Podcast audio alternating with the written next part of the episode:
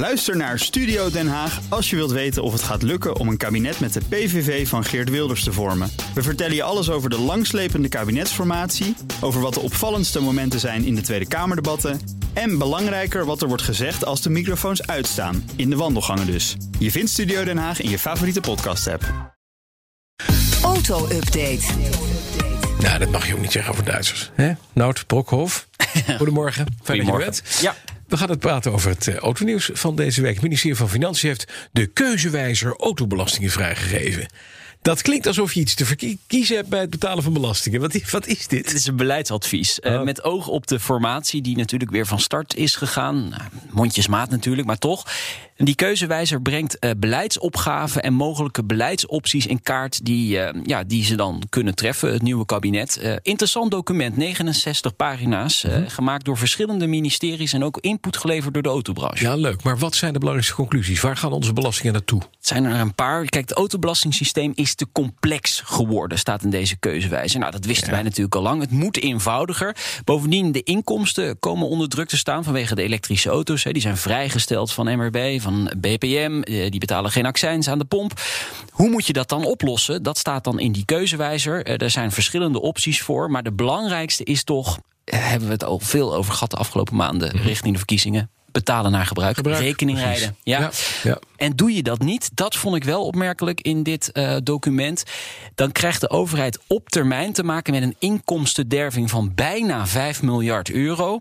En ja, dat moeten ze Dat ze niet. anders gaan ophalen. Dus dan gaat waarschijnlijk de motorrijtuigenbelasting omhoog voor iedereen. Ook voor elektrische auto's. En ook ga je dan meer betalen accijnzen over elektriciteit die in je auto stopt. Precies. Tuurlijk. Dus eigenlijk kan het nieuwe kabinet geen kant op en moeten ze naar betalen naar gebruik. Ja, en dan is er zo meteen een online presentatie door firma Citroën. Ik word Ja. al een week word ik bekocht met mailtjes.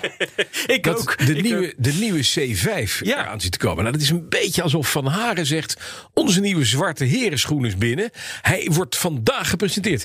Daar wordt niemand warm van. Maar hebben we foto's gezien? Nee, nog niet natuurlijk. Nee, nog hij niet. moet onthuld Hij- worden. Hij, hij wordt om tien uur onthuld. Dus eigenlijk ja, moeten we het wel over hebben dan op dit moment. Nee.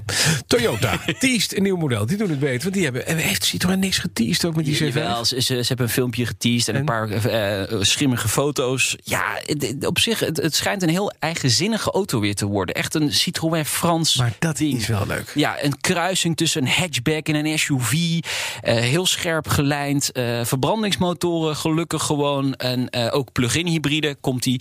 Dus eh, ze gaan er wel, wel iets van maken. Ja, wat ik moet zeggen, Peugeot heeft de weg naar boven gevonden als het Zeker. gaat om, eh, om design. Absoluut. Ik heb de 508 PSE bij me. Ja? Heb ik een week getest. Heerlijke auto. Dat is de, eigenlijk de performance plug-in hybrid van, van Peugeot op dit moment. Ja.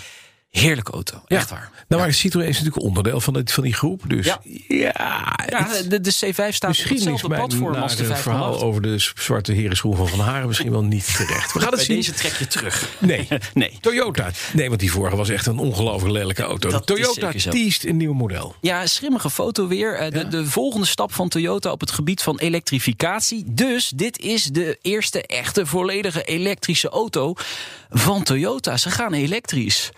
Het is een SUV. Hmm. Ja, Toyota kennen we natuurlijk als hybride. Dat is Prius. hè? Ja, En, de en, en heel, veel, heel veel Lexus, Ja. uiteraard ook. En zelfs de Mirai, de waterstofauto. Hebben ze ook. Ja, maar nog nooit een volledig elektrische auto. Dit is een auto met batterijen en niet meer dan dat. Hmm. En eh, er komt een nieuw label, BZ, Beyond Zero heet dat. Ja, volgende week maandag gaan ze het presenteren in Shanghai. Ik ben echt heel erg benieuwd. Want dit is wel een stap hoor voor Toyota, Nou, elektrisch. Zeg en ook Lexus heeft nieuws, begrijp ik. Ja, ook volgende week maandag. De nieuwe Lexus ES komt eraan. Die wordt ook op die autobeurs in China, in Shanghai, Mhm. eh, gepresenteerd. Ze hebben vandaag een fotootje vrijgegeven van de koplamp. Ja, heel scherp gelijnd, zoals je dat van Lexus kent. Maar voor de rest kan ik er nog echt helemaal niks over Nee, zeggen. de rest, er zit een auto achter, laat me niet zien.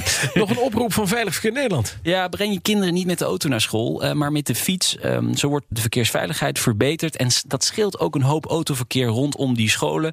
80% van de kinderen woont binnen drie kilometer van een school, is uit onderzoek gebleken. Ja, dus eh, doe het via de Ja, fiets. doe lekker op het fietsje. En dan zit je nog eens lekker in de sneeuw zo op uh, maandagmorgen.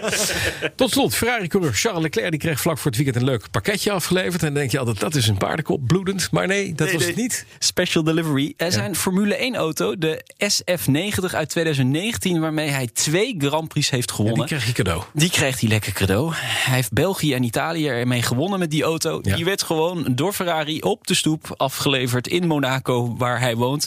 En daarna heeft hij een foto uh, op Twitter gezet van hoe die auto dan staat. Die staat in een mini-hal en het ziet er heel gek uit, maar hij heeft hem ergens staan.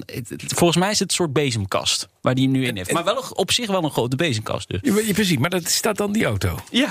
Kan je niet even boodschappen of de kinderen mee naar school brengen? Ja, meestal ligt daar dan geen motor meer in. Hè? Want die motor dat is nee, vrij niet. prijzig en kostbaar. Hm, dankjewel. Ja. Nou, Broek. gedaan. De auto-update wordt mede mogelijk gemaakt door Leaseplan. Leaseplan. What's next? Bij BNR ben je altijd als eerste op de hoogte van het laatste nieuws. Luister dagelijks live via internet. Bas van Werven. En heel langzaam komt de zon op rond dit tijdstip. Je krijgt inzicht in de dag die komt op BNR, het Binnenhof in Nederland en de rest van de wereld. De Ochtendspits. Voor de beste start van je werkdag. Blijf scherp en mis niets.